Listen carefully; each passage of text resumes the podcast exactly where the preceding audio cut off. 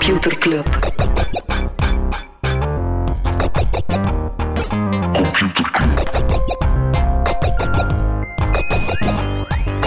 Computer Club. Hey Smolly, Hey Freddy, welkom, welkom terug. welkom. Welkom bij Computer Club, wekelijkse podcast over technologie. Iedere aflevering selecteren Freddy en ik een interessant artikel en presenteren we een feitje. En beginnen doen we zoals altijd met het non-nieuws. Yes, er zijn een heleboel eh, non-nieuwtjes.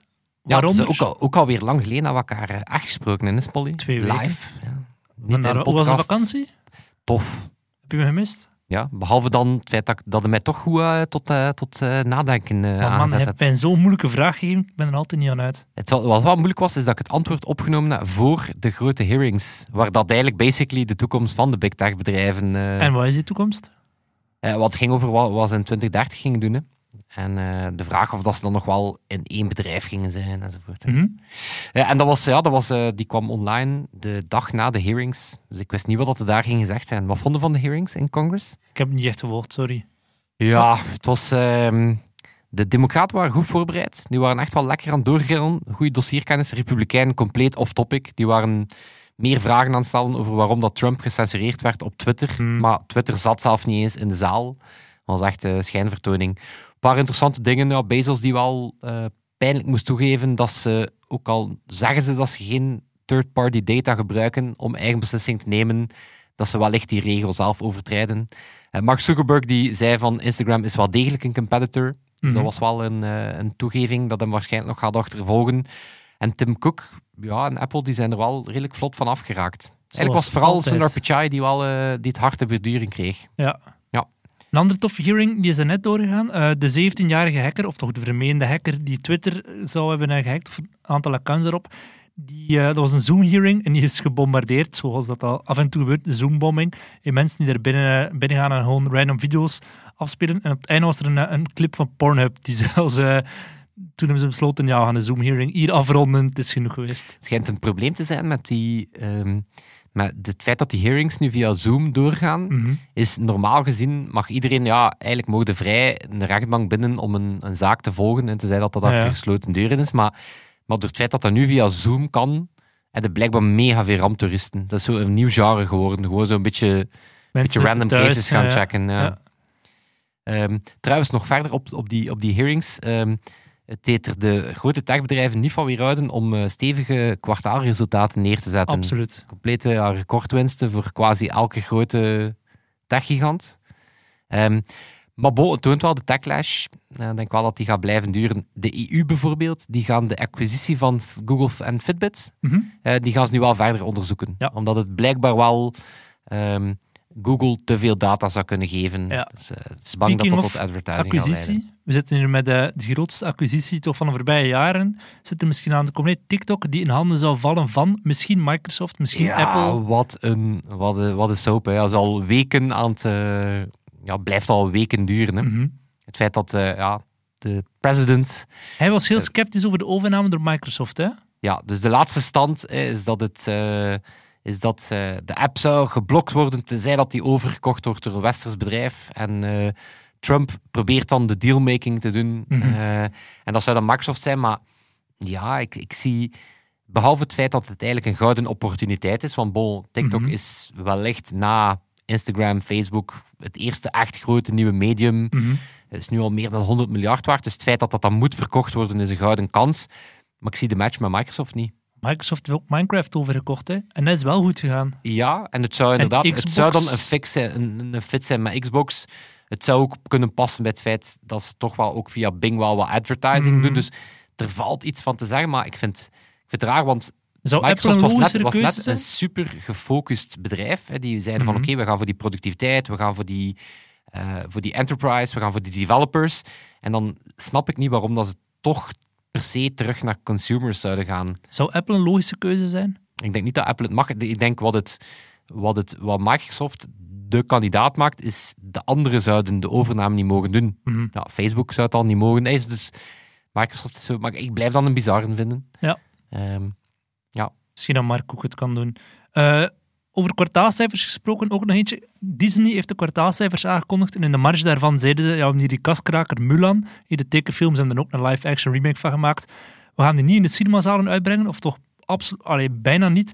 We gaan die eh, gewoon direct to digital uitbrengen, maar je kost wel 30 dollar Oeh. om hem te huren. Hè. Dus, dus ja, ik snap hun redenering wel. Ze gaan ervan uit, normaal gingen er heel gezinnen naar die film zijn gegaan en dan verdien je inderdaad 30 dollar per bezoekje. Maar het is wel, eh, ook voor de mensen die Disney Plus hebben, wat dat nog absoluut raar. Het is alsof dat je de Irishman zou moeten aankopen terwijl je een abonnement hebt op Netflix. Dat ik al, dat, die, vond ik inderdaad, die vond ik inderdaad raar. Ik, ik kan op een gegeven moment wel snappen dat ze misschien, ja, om Disney Plus nog sterker te maken, zeggen van oké, we gaan daar gewoon een Ja. aantal exclusives opzetten. Er staan erop, hè, maar het is Want het feit inderdaad... dat dat zo eh, dat gemengde businessmodel is, ik Nee. vind dat een, ik vind dat een, een dat is like de Comar, maar bepaalde dingen zijn gewoon à la carte. of zo. ik, ja, ik versta het niet goed. Heel goede redenering. Ja, maar blijkbaar die cinemawereld ja, staat ook op zijn kop, omdat het ja, toch duidelijk is dat er dit jaar wellicht geen grote cinema-releases meer Nee. gaan zijn. De vraag is, komen er dan volgend jaar nieuwe releases als er bijna niks opgenomen wordt Mhm. dit jaar? Ehm, en dat inderdaad, ja, die, dat distributiemodel staat nu ook gewoon ter discussie van, Ja, ja, ja. waar ga je ze wel uitbrengen? En als we ze nu wel straight to digital uitbrengen, waarom zouden we er dan mee stoppen volgend jaar of zo? Ja, Dus het is, ja, het is wel interessant. Wat ik wel episch vind, nog altijd, is dat de meest populaire, of de, de grootste kaskraker van dit jaar, is nog altijd Bad Boys for Life, gefilmd door twee Belgische regisseurs. Als dat Ja. zo blijft tot einde van het jaar, dus de enige, enige positieve kantje aan corona, Adil en Bilal, die gewoon de, de grootste kaskraker van het jaar gemaakt hebben. Hopla. Trouwens, nog wat, eh, nog wat anders non-nieuws terugkomend. We hebben daar eens een episode gedaan over, over Shopify. Ja. e-commerce platform of dienstenleverancier voor e-commerce Shopify. Wel, die hebben nu eh, eBay voorbijgestoken als het gaat over omzet op hun platform. Dus die zijn, de omzet is daar op een jaar, dus, de- dus alle omzet die er op Shopify winkels gedraaid is, is op een jaar verdubbeld. Ai. Dat zijn gigantisch goede gigantisch Ik heb vandaag cijfers. voor de allereerste keer in mijn leven iets verkocht via Facebook Marketplace. En het is wel zo'n drempel, want ik was eerst van plan, ik ga het op tweedehands.be zetten, mijn diepvries. Op Facebook, je weet, al mijn vrienden kunnen zien. Ik weet niet, gaan die notificatie krijgen of zo, of niet? Nee, ik, Oké. ik denk dat dat zelf niet op de feed komt. Ik denk dat je de optie hebt om het op je eigen feed te delen ook.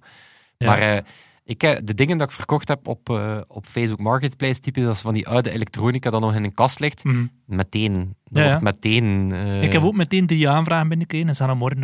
het rare is gewoon, er is geen betalingsdienst via Facebook, dus je moet cash of zo. Ja, dat blijft zoals nog wat op het vertrouwen. Ja. Maat van mij is, is in het zak gezet via tweedehands. En die had een grafische kaart gekocht van een verkoper, supergoeie reputatie. Super, Mhm. super veel goede ratings. Eh, Oké, hij stort dat geld, krijgt het product nooit. En dan is dat profiel offline gehaald geweest. Dus wellicht was dat iemand die, Kijk, eh, die gefisht was. ja. Eh, Ah ja, zo, dus ja. eerst hacken ze die account, dan zetten ze er nog een aantal goede verkopen op. Het Ja. moment dat ze daarvan het geld krijgen, dan verdwijnen ze met een eurozon. Ja. You Alright. never know. Heb je ook een echt artikel gekocht? Ik, heb, ik ken nog twee non-nieuwtjes. Oké, oké. twee. Eh, Apple zou de nieuwe iPhone effectief enkele weken later gaan lanceren. Het zou oktober worden en niet september. Ja. Maar dat is een kleintje. Eh, en Nvidia die zou ARM overkopen van SoftBank. Damn. Eh, ARM, ja, recent nog in het nieuws, omdat ze de... eh, omdat de Mac, de Apple Macintosh, gaat nu ook volledig op een ARM-chip gaan, gaan werken. Maakte sowieso al heel wat mobile chips. Ehm, Softbank zou dat nu willen verkopen. En Nvidia, die dan eerder in de grafische en machine learning Mhm. chip zit, ja, zou eigenlijk wel een zeer goede match zijn. Ja. Zou wel een power move zijn. Vol. Voilà. On that note. Freddy, laat jouw power moves zien. Ja, ik heb een, eh, ik heb een eh, rapport van Boston Consulting Group, Wauw. gedeeld door, eh, door de luisteraar Gauthier. En dat gaat over de 20 meest innovatieve bedrijven ter wereld. Dat is eigenlijk een studie van wat zijn nu eigenlijk de, welke bedrijven zijn nu eigenlijk de grootste innovatiemachines en waarom is dat? En wat verstaan we dan onder innovatie in dit vlak? Dus ik ging juist zelf zeggen, dat is eigenlijk wel een nieuw dieptepunt voor deze podcast. Ik ga basically gewoon een consulting whitepaper voorlezen. Eh. Ehm, nee, dus het wordt, het wordt inderdaad gekeken naar ehm, wat, maakt dan, wat maakt dat die bedrijven goed kunnen innoveren. En eh er wordt vooral gekeken naar eh, hoe maakt dat die bedrijven ook succesvol. Dus de grote parameter is, eh, wat investeren ze in research and development en wat Mhm. krijgen ze ervoor terug. Ehm, en dan wordt er inderdaad bekeken, bijvoorbeeld een, een Dus we kunnen het inderdaad over twee dingen hebben. Wie zit er in de top 20 en wat maakt dat een bedrijf goed is in, Mhm. eh, in, in innoveren? En om de tweede vraag al heel kort te antwoorden. eh, de bedrijven op die lijst eh, spenderen anderhalf keer zoveel aan innovatie. En ze krijgen vier keer meer return daarop. Dus dat zegt niet zozeer dat ze er meer in investeren, maar ook, ook, ook vooral dat het aan geen windeieren legt. Zijn het techbedrijven of is het echt van alles en nog wat? Het is van alles en nog wat. Dus de, de top 4 is vrij voorspelbaar. Ja, Google, Yep. 3M, Nee, die staan er wel in manier in de top in? 5. Ja, Google, Apple, Tesla, Facebook, Amazon. Nee? Ja, een aantal. De, de, de top 4 is eh, Alphabet, Google, Ja. Apple, Amazon, Microsoft. Ja. Niet, misschien wat verrassend, Samsung. Hmm. Ja, maar dan ook vooral voor een eh, werk als het gaat over, eh, over chipdesign en, en, enzovoort. Ehm, inderdaad, ook, ook een aantal, eh, ja, een aantal eh, ja, Tesla staat er ook bij. Ehm, opmerkelijk, Intel blijft erbij staan. Wel, wel wat pijnlijk, want die hebben, ehm, die hebben ook wel niet tofste weken gehad. Die hebben moeten, eh, met schaamrood moeten toegeven dat ze eigenlijk in de, ja, de nieuwe transitie richting nog kleinere chips zitten ze ongeveer anderhalf jaar achter op hun grootste concurrent. Dus dat is vrij pijnlijk. Dat is basically toegeven van we Kunnen zijn niet gewoon meer, aan het teren ja. op uit Mhm. succes. En we zijn eigenlijk, eh, we hebben onze shit niet meer onder controle. Eh, Dell, HP, ook stevige stijgers. Eh, Huawei, Ja, ook op de zesde plek.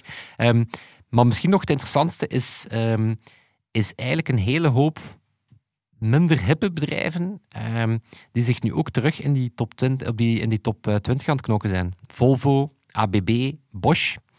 Eh, en wat daar de evolutie is, ehm, is dat dat eigenlijk zijn dat heel industriële partijen, eh, maar die zijn ook allemaal zo aan het evolueren richting eh, van die as-a-service modellen. Ja, ja. Eh, bijvoorbeeld Bosch, Tesla, eh, ja. Tesla die ook zegt, of Bosch die zegt, wij gaan niet meer enkel batterijen verkopen voor wagens of, of, of componenten voor wagens. Nee, wij gaan een heel... Sony die zegt, wij geven eigenlijk een off-the-shelf autonome wagenplatform. Mhm. Nvidia dat zegt, wij maken vanaf nu ehm, niet enkel de sensoren, wij- niet enkel de chips, wij maken het hele systeem om zelfrijdende wagens te gaan bouwen. Dus dat is wel een trend die je dan ziet, is dat ehm, ook iets minder blitse sectoren, ja, die, die, die beginnen nu ook, of eh, grote farmabedrijven die grote patiënten- en dataplatformen beginnen creëren, Ja, bijvoorbeeld. absoluut. Eh, en dat zijn eigenlijk de nieuwe gezichten in die top 20. Eh, Walmart bijvoorbeeld, die Mhm. gaan nu ook een soort Prime-abonnement gaan lanceren. Dus dat zijn dan zo van die, ja, om dan terug te geven, was het niet ehm, Peter Hinsen die het artikel had van die Die Phoenixen? Phoenix die- en de, en de wat is het? Phoenix versus... Nee, de Unicorn en Phoenix? Ik weet het niet meer, dat is een nieuw boek, maar het komt er inderdaad op neer Wat dat zo na de giganten- unicorns nu Ja, ook de ja. Phoenixen terug zijn. En ja, dan zie je dat een heel aantal van die gezichten die terug zijn in die top 20, ja, eigenlijk terug zijn van, van Phoenix en de Unicorn. Ja, Voilà, ehm, net omdat ze ook beginnen beseffen van, eh, ja, we moeten ook beginnen platformen gaan uitbouwen. We moeten ook een pak meer met, met, data Ja. beginnen doen. We en moeten daar nieuwe dienstmodellen beginnen rond. ook. Allee, je echt vaak veel cash er tegenaan Voilà. te smijten. Of, dat is dan ook zo'n trend, die, die, die, die, die, die snappen, dat zijn bedrijven die ook wel snappen hoe dat je een ecosysteem kan uitbouwen. Mhm. Dat zijn bedrijven die heel goed snappen dat om een, om een echt succesvol platform neer te zetten, dat je ja, andere actoren nodig hebt, dat je netwerkeffecten nodig hebt en die inderdaad ook gewoon de koffers hebben om het, eh, ja, om het te doen. Hè. Mhm. Ja, dus dat is, de, dat is die top 20. En dan is inderdaad, dan gaat BCG eh, ook op zoek naar, ja, ehm, waarom? En dat is eigenlijk een interessante. Ehm, ze, ze, het is nu al het 15 jaar op rij dat ze dat doen. Ehm, en er zijn slechts acht bedrijven die daar elk jaar in staan. Ehm 30% van de bedrijven komt er maar één keer in voor. Mhm. Het is wel, wat maakt dat sommige bedrijven het goed kunnen en wat maakt dat ze het kunnen blijven doen? Spin-offs? Nee. Ehm, het zitten een aantal dingen. Ze. Eh, budgetten, hè, wat ik al Mhm. zei, die durven er gewoon budgetten aan uitgeven. Ook in crisistijden net extra veel R&D gaan doen, om eigenlijk net te zorgen Yep. dat je eh, in die veranderde wereld sterker boven water komt. Ehm, prioriteiten stellen. Ehm, een heel moeilijke keuze is durven zeggen, hè, dat wordt dan zo'n beetje eh, funnel management genoemd, is zorgen dat je met veel ideeën start, maar wel ook keuzes durven maken. Mhm. Dus zeggen van oké, we beginnen met een begin van die en funnel. divergeren. Ja, divergent. Veel ideeën, maar op een gegeven moment wel durven zeggen: oké, Ja. met welke programma's moeten we durven stoppen en welke moeten we durven Mhm. extra geld tegenaan smijten. Ehm, durven, dat zijn bedrijven die ook langer durven wachten om te lanceren. Dat is ook een beetje raar, hè? Je zou Ja, denken. ze inderdaad zeggen deploy or die. Constant, Ja, zo van, eh, het gaat over snelheid, ja, maar wat al die bedrijven typeert, is dat ze typisch vijf maanden langer erover doen om een product to market te brengen, waar dat Apple typisch het Ja. voorbeeld van is. vijf jaar bij Apple. Apple gaat altijd iets langer wachten om het dan helemaal juist te krijgen. Mhm. Om dan te doen. Dus dat vond ik ook wel opvallend. Eh, blijkbaar ook geen verschil eh, in de cultuur. cultuur is niet bepalend. Nee. Dat je zou denken, hè, van al die, die techbedrijven, dat zit er in de cultuur. Ehm, en dat blijkt dan niet echt differentiërend te zijn. Wat wel nodig is, is ehm, een strategie over inno- innovatie hebben. Dus al die bedrijven, die, hebben, die doen dat niet gewoon zo wat ad hoc. Hè, die hebben daar een duidelijk plan voor. Steun van het leadership. Ja, dus heel belangrijk van, van de top ook gewoon de steun om het te doen. De budgetten er tegenaan smijten om het te kunnen doen. Prioriteit durven zetten. Ja, en dan ook gewoon de juiste mensen, Ja. eh, de juiste mensen aan, aantrekken. En dan de allermoeilijkste is het, eh, is het niet één keer doen, maar het, eh het herhalen. Ja. Zoals dat Elon Musk vaak zegt, is... eh, ik kan de quote niet letterlijk zeggen, maar het zegt hij, het gaat niet... Ik ben niet zozeer geïnteresseerd in de machine, maar in de machine die de machine maakt. Is zo niet eenmaal een innovatie kunnen doen, maar hoe, hoe creëer je een, een, een band waar dat innovaties afrollen? eh, Zoals Google met al die gekilde projecten waar we ooit ook over eh, gebabbeld hebben. Voilà. En dan nog een laatste is eh, de dingen die die bedrijven allemaal wel goed doen, is, of, of heel veel in geïnvesteerd hebben, is ehm, analytics skills. Gewoon zorg, kunnen zorgen dat je heel sterk vanuit data vertrekt, vanuit inzichten vertrekt. Design skills. Mhm. Heel sterk zorgen dat je mensen hebt die binnen product design, digital design, UX eh, opgeleid zijn. Eh, en dat zijn allemaal bedrijven die ook eh, snappen hoe dat je een technologieplatform kan, kan uitbouwen. Ja. Een beetje die Andreessen quote van, van, van software is eating the world. Elk bedrijf wordt een softwarebedrijf. Ja, dat zie je ook wel bevestigd in, Mhm. die, eh, in die top 20. Voilà, kijk, een dikke merci aan om dat, eh, om dat te delen. Cool, ze zijn een beetje consultant geworden. Ik voel me wel een beetje vies nu, maar wat. We schudden het los met wat computerklas, met Yes. wat jingle. Geef maar een jingle. Hoppa. Computerklas. Freddy, hij weet dat ik fan ben van de Vlaamse internetgeschiedenis. Hè? Ik eh, merk op dat dat een, dat dat een rode draad is in uw weetjes, ja, inderdaad. ik hou, ik hou zo van, van dino's die onbekend zijn, of toch een beetje onbekend zijn, maar die wel op wereldniveau hebben meegespeeld. En één daarvan is Gaston Bastiaans. Heb je ooit al van die man gehoord? Als de- volgens mij is dat, de, als dat niet de duivenmaker van het, eh, van het jaar 92 was, eh, dat weet ik ook Hij niet. klinkt inderdaad zo, maar hij is een eh, Belgische ingenieur die helemaal is opgeklommen tot de vice-president van eh, Philips. Was echt een pionier daar. Die was verantwoordelijk voor de eerste CD, CD-ROM, echt op dat niveau meegespeeld. En moest op een bepaald moment is hij gevraagd om de Interactive Compact Disc groot te maken, dus de De CDI. CDI, ik ging Ja. ik weet net, dus toen je net aan het zeggen waart van Ja, Philips met zijn vele innovaties, en dan ging ik zo'n beetje zeggen, nou, de, de, de CDI was er geen van. nee, hij, wel, hij wilde dat dus positioneren als een soort voorloper van wat later de DVD's geworden. En het de probleem is... voorloper bijna van een spelconsole ook. Het was... Ja, dat kon, kon van alles. Dat was gewoon interactive media. Ehm, maar toen dat in 1992 eindelijk op de markt kwam, was de DVD er al bijna. En toen is hij weggeplukt door John Scully van Apple op dat moment. Dus nu een Belg is door John Scully naar Apple gevraagd om daar de, de Personal Interactive Electronics divisie te gaan leiden. Dus waar dat, eh, de Newton is ontstaan, Apple's PDI, is een Belg was daarvoor verantwoordelijk. Eh, en die, wat dat de voorloper is, wat dat nu de iPhone is. Hè. Die verkoop die ging vrij aardig, want er zaten technisch redelijk veel fouten in. En eh, ja, er was er ruzie van wie is er verantwoordelijk voor. Bastiaan zei dat is Apple's schuld is aan buiten zweten bij Apple. Uiteindelijk is hij beland bij Lerton Houseby, waar dat hij CEO geworden is. En dat is zijn ondergang geweest. Hij heeft een heel agressieve overnamestijl daar gehanteerd. Edu- eh, Gaston Bastiaans. Hij heeft onder andere Kurzweil Applied Intelligence opgekocht, van Ray Kurzweil. Eh, maar ja, toen kwam het schandaal en is hij daar ook, dat is een beetje ook zijn ondergang toe geworden. eh, Gaston Bastiaans. Zijn zoon zit ook in de techwereld, heeft zelfs bij wel- ik vind, ik vind wel, ik vind Ja? wel de... Wat, hè?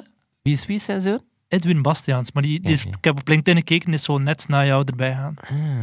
Ja, ik vind dat de Gaston, die klinkt wat als een... Een als een underdog. titaan van, van, de, van de vorige generatie. Zo, zo wat de, de generatie die, het net, die, die net wat te vroeg was of zo. Ja, Weet je, hij was, en de hij was, PDA en de CDI en de spraaktechnologie, dat is zo drie keer zo net niet. En ja, wel, had hij inderdaad altijd gewoon, altijd gewoon twintig jaar later gedaan, dan was hij de, hij er was hij de grote man. ja, ja.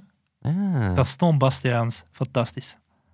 Freddy, ik heb nog een, eh, een in mijn artikel ga ik ook over mannen die een beetje te vroeg zijn en die binnen 20 jaar waarschijnlijk wel boekop zaten. Oef, nu ben ik wel vreemd benieuwd, Smolly. Ja, mijn artikel gaat over eh, Blendel. Blendel die verkocht is aan het Franse cafeïne, wat dat vroeger Lucky Josk heette. Ja, mensen kennen dat waarschijnlijk niet. Blendel is een Nederlandse start-up waar ik eh, zelf ook gewerkt heb. Ja, voilà, ik, Ja, zie de, ik zie de, Het is een, het is een soort ik, persoonlijke... zie het open haardvuur knetteren in je ogen als je daarover aan het vertellen bent. Maar misschien voor de mensen die, ja, die, die Blendel, het niet kennen. Blendel is, we bestaan nog altijd in zijn was, nee, Blendel is een, eh, de iTunes voor journalistiek. Dus het principe van, je koopt niet een volledige krant, maar je koopt losse artikelen uit kranten en magazines. is opgericht zes jaar geleden uh, door twee Nederlanders, eigenlijk door één Nederlander en er is later een bekende Nederlander mee aan boord gestapt. En dat was op dat moment echt super hip in Nederland. Een paar weken tijd 60.000 gebruikers die allemaal 10, 20 cent betalen voor een artikel. Alle Nederlandse kranten deden er ook aan mee, alle Nederlandse magazines. Um, en ook in België. Ik was dan verantwoordelijk voor de buitenlandse expansie. Ik heb er heel toffe verhalen over. Op een bepaald moment zaten uh, Alexander Klupping en ik bij Le Monde. Bij de echt allerhoogste baas waar we, waar we mee gebabbeld Ik weet zijn naam niet meer. Uh, Louis Dreyfus. En die man... Ja, wij, wij dachten naar... We zaten zo'n hoodie tegenover zo'n man in pak die duidelijk al heel feit veel... dat die man Dreyfus noemt, ja. doet mij vermoeden dat dat waarschijnlijk een van de top 16 rijkste mensen in Frankrijk ja, zal zijn. En ook als je Le Monde leidt. Dus uh, Isabel Albertsmal duizend qua niveau. Men heeft ons daar alle hoeken van de kamer laten zien. Door voor te zeggen, hij zei bijvoorbeeld, um, ik wil niet naast mijn concurrenten op één platform, op één en hetzelfde platform staan. Dus ofwel is het alleen Le Monde die erop staat, ofwel al de rest, maar wij doen niet mee. Maar stel je voor dat zo dat Beyoncé zou zeggen, ik wil alleen op iTunes staan, ofwel iedereen, behalve ik. Maar ik was net, en dan, uh, misschien, misschien hijack ik uw, uh, nee, doe maar. uw stuk, maar het, was, het, was, het is interessant. En ik ging vragen van, oké, okay, wat was toen de temperatuur bij het gemiddelde mediabedrijf toen? Mm omdat dat is een typische sector die, die staat langs alle kanten onder... Uh, basically, die staat langs alle kanten onder druk.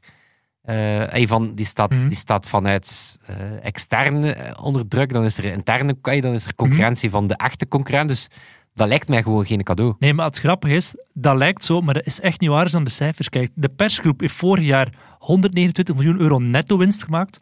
Mediahuis 5 miljoen euro winst. Roularta 10 miljoen, zelfs Roularta, fucking Roularta heeft 10 miljoen winst gemaakt. Dus die bedrijven doen het eigenlijk echt heel goed op financieel vlak, waardoor dat eenmaal als je daar binnen bent, dat de nood vaak is van, ja, wij hebben jullie niet nodig. Wij, wij willen nog altijd vasthouden aan dat concept van een abonnement. We willen dat het spel op ons veld gespeeld wordt en niet de kans lopen, die, die zien nog niet in dat er op dit moment heel veel mensen wel af en toe een artikel van de morgen willen lezen, maar niet die hele bundel willen hebben. Dus die hopen nu nog dat ze nog een paar jaar kunnen teren op abonnementen verkopen. En binnen vijf of binnen tien jaar zullen ze al beseffen, oké, we zijn verzadigd. Hoe kunnen we die extra mensen nog gaan bereiken? Maar op dit moment is de nood, dat is dan uiteindelijk ook wat de bottleneck geweest voor, voor Blendel. Je ziet dat bij, bij kranten. In Nederland is dan NRC eruit gestapt. En de, de klanten van de persgroep zijn toen zelf met topics begonnen, wat dat zo'n beetje de concurrent moest worden, maar dat nooit echt veel uh, tractie heeft, heeft ge, gekregen. Dus die, die temperatuur is eigenlijk niet zo niet, niet, is niet, de nood is niet hoog genoeg voor hun om te zeggen, we gaan die maar bundel ik snap ook, ik, openstellen. ik, ik, snap ook dat, uh, dat het... Ik denk, wat je, wat je, geen enkel bedrijf wil nog eens de primaire relatie met zijn klant verliezen. Ja, absoluut. Wetende dat, dat voor, voor nieuwswebsites de komst van bijvoorbeeld Facebook of Mhm. Google, ja, dat was dan de, de, hun- de nieuwe toegangspoort was plotseling van iemand anders. En ik kan wel snappen dat als Blender dan afkomt en zeggen van, nou ja, mensen gaan via Ja, ja. onze account dan bij u kopen, dat dat al de facto een moeilijke pitch is Ja, voor die en in het eh, begin ging dat heel, ging heel goed, want dan kon je nog spelen van we zijn twee schattige jongens met hoodies die hier even komen eh, allee, belen van wil je op ons projectje stappen. Maar hoe groter dat Blendel werd, hoe nerveuzer dat sommige kranten wel werden, zoals die zegt van we gaan er gewoon uitstappen. Of de Telegraaf, wat dat, de ja, dat is het laatste nieuws van Nederland. Hè. Maar hier in België bijvoorbeeld, knak. Als je nu knak koopt, dan koop je gewoon drie kilo papier, want dan koop je en een knak, en een knak focus, en een knak weekend. En dat is gewoon één bundel. En die houden daar al zo lang aan vast. Dus ik vond het wel zot dat die uiteindelijk redelijk snel, op een paar weken tijd, hebben die besloten van het is goed, we gaan afstappen van die bundel, we gaan meestappen in Blendel in dat verhaal. Dus dat, is wel, dat heeft dat mij toen in de tijd echt wel verbaasd dat zo iemand, dat zo'n uitgever daar wel in meeging. Ja, maar ik ben dan inderdaad... Wat ik me dan afvraag, en, en nou, wellicht bestaat die data, hè, ik weet niet of dat, eh, wat die gekend is, maar zo, wellicht is er een... een, een wellicht heb je een, een redelijk trouwe lezer van Mhm. één bepaalde titel, Ja. en die daar dan inderdaad wellicht zal openstaan voor een, een digitaal abonnement, of een weekendabonnement, Mhm. of, of zelfs een, een, een all-in abonnement. En dan heb je waarschijnlijk zowat de, de persoon die eerder potpourri gewijs, en, en voor hen is denk ik een product als Blender dan ideaal. Nou, het Dus probleem ik vraag is mij dan af, kan, zou Blendel cannibaliseren op uw eigen abonnement? Nee, dat denk ik niet. Maar het probleem is ook, als dat niet geïntegreerd zit in de website van die krant, dan gaan die, die, die occasionele lezers gaan niet naar Blendel surfen en daar alles gaan doorploegen. is, dat, de- is dat de flow? eh, had twee flows. Je kon het effectief ook integreren in de website. Humo heeft dat voor het gedaan. Dus als je op Humo op de paywall kwam, Dan stond heb je ook een linkje van, je abonnement of login Ja, of met ja, je Blendel-account. Ja, maar daar waren klanten nog helemaal bang van. Terwijl dat volgens mij wel de, ja, de factor had kunnen geweest zijn. Dat als je op zo'n paywall botst, dat je daar kan afrekenen voor één artikel. Maar ja, klanten willen op zo'n paywall vooral abonnementen verkopen. En de mensen die echt naar blendel.com gaan om artikelen te lezen, dat zijn ja, de newsfreaks, dat zijn journalisten die dat als databank gebruiken. Dus dat is zo aan een bottleneck. En dan op internationaal vlak is Nederland en Vlaanderen, wij beseffen niet hoe verwend dat wij zijn met supergoeie kranten, supersnel internet. We zijn het gewend van online te betalen. Wij hebben, wij hebben die, die habit, we zijn ja, intellectueel publiek op dat vlak. Maar als je kijkt naar Spanje, die kranten stellen niets voor. India, die kranten, dat is... Ja, dat, dat, dat gaat letterlijk over centjes van centjes. Moest je dat per artikel gaan verkopen. In de VS zetten ze alles gewoon voor de paywall, want die hebben een afzetmarkt van miljoenen mensen. Ja, hebben allebei een abonnement op de New York Times. Dat is 4 euro per maand. Dan zou je wel zot zijn om dat per stuk te gaan kopen. Hè. Ja. Dus het is wel, ja, Blendel is uiteindelijk verkocht aan die Franse concurrent. Ze hebben het bedrag niet bekendgemaakt, maar het is minder dan eh, wat dat ze aan investeringen hebben opgehaald. Dus, allee, dat, als ik het zo uitreken, kan het niet meer zijn dan wat dat ze Ja, maar het, is, hebben het, opgehaald aan het investering. doet er mij gewoon, het doet er mij gewoon aan denken dat, dat heel veel eh start-ups die, die net proberen inbreken op, op dat distributiemodel, Mhm. dat, is, dat is heel moeilijk. Ja, Ehm, zelf bijvoorbeeld, bijvoorbeeld Apple, voordat ze eigenlijk met Apple TV Plus kwamen, wat dan hebben ze ook geprobeerd om via Apple TV Mhm. ook zo'n beetje de, de aggregatie te maken van heel wat andere tv- en filmdiensten. Mhm. Maar zelf Apple met de schaal en de schatkist kreeg dat heel moeilijk, omdat vanaf dat je met verschillende partijen moet beginnen overeenkomen, ja, iedereen stapt daar zo Ja, ja. defensief en, en met argusogen in. En je hebt dan die schaal net nodig, want En als kleine speler gaat dat inderdaad nog, maar vanaf dat je Apple bent, of vanaf dat je te groot wordt, is het zo moeilijk om dat te gaan manoeuvreren. Om daar nog Ja. tussen te brengen. Ja. Maar los daarvan, ja, dat was eh, een van de mooiste periodes in mijn leven al sinds, om daar te kunnen werken. Het is nu ja, officieel voorbij, maar heel cool bedrijf. Ja, maar ik merk dat. Ik merk dat hey, want, eh, je merkt dat je daar zo... Ja, dat de, de mensen dat je daarmee gewerkt hebt, dat ik wel nog altijd... eh, Ja, dat is, we, hebben, er- we hebben hier een paar al vermeld in de, in de podcast, waaronder Rick Pastoor van Grip. Dus eh, Ja. wereldniveau. supergoed. Wat is, Top. de, wat is de blendel van, eh, wat is de blendel van, van nu? Ik denk dat die vooral in de podcastwereld zitten. Als je dan zo spreekt over... Hebt, hebt in, de, in de krantenwereld pff, niet zo heel veel. Die zijn vooral naar, andere soorten media aan het kijken. Hè. Oeh, ik, heb nog een, eh, ik had eentje staan bij het non-nieuws, maar ik vond hem een beetje te onnozel misschien, maar hier past hij wel. De, ken de Substack? Ja? Dat is zo'n start-up die... Je je zegt hier wel ja, maar ik zal voor de, Ja. voor de mensen die het niet kennen... Nee, eh, ik ken het niet. nee. Eh, die eigenlijk maken het mogelijk om ehm, ja, voor, voor particulier bijna, ah, dus eigenlijk om, om, om abonnementen op uw nieuwsbrief Mhm. of op uw podcast, eigenlijk gewoon eh, voor, voor, voor mensen zoals jij en ik bij wijze van spreken, moesten we ooit een betalende versie van Computerclub, eh, Substack, laten ze dat toe. Die hebben hebben die mailing screw-up gezien. Nee? Dus die hebben een mailing naar al hun klanten gedaan. Dus gelukkig wel naar, hè, dus naar, naar de betalende Substack-gebruikers. Eh, en de mailing is de deur uitgegaan met de geadresseerden allemaal in eh, CC. Oh my god. en, eh, maar ze hebben er wel supergoed op gereageerd. Ze hebben eh, in de mea culpa gezegd, we are aware of the irony. maar natuurlijk een bedrijf die eh, een dienst levert om Ja. nieuwsbrieven uit te sturen, is Die natuurlijk vrij pijnlijk. Als, ze- eh, dus inderdaad, in die sfeer moeten we dan ja, de nieuwe... ja, ik denk het echt wel eh, in de podcastwereld. Dat is nu zo aan nog geklungel en er zit geen businessmodel achter of zo. Maar als je ziet hoe dan zo'n Spotify aan het opkopen is en zo. Als er daar wat... In Nederland heb je Dag en Nacht Media, die nu ook een platform heeft gelanceerd om ehm, mensen te laten betalen en zo aan een fanzone en zo te kunnen creëren voor podcast. Dus ik denk dat daar op technologisch vlak nog heel veel voor te rapen is. Dat betekent wel het einde van podcasts as we know it, als ze zijn, alles is gratis. Heistijn- ja, het is dat. Het is al geprofessionaliseerd. eh. we zijn, Oeh. hopelijk zijn we een goede tuinman, maar Maar ik krijg er angstzweet van, Smolly. is dat. Fuck. Oké, maar dan, eh, dan stel ik voor dat we, dat we, dat we Toon bedanken, die Ja. er toch voor zorgt dat we toch een klein beetje professioneler zijn dan, eh, dan, dan de tuinman. Maar dan zal het zijn Tot volgende week. tot volgende week. Yo. Yo.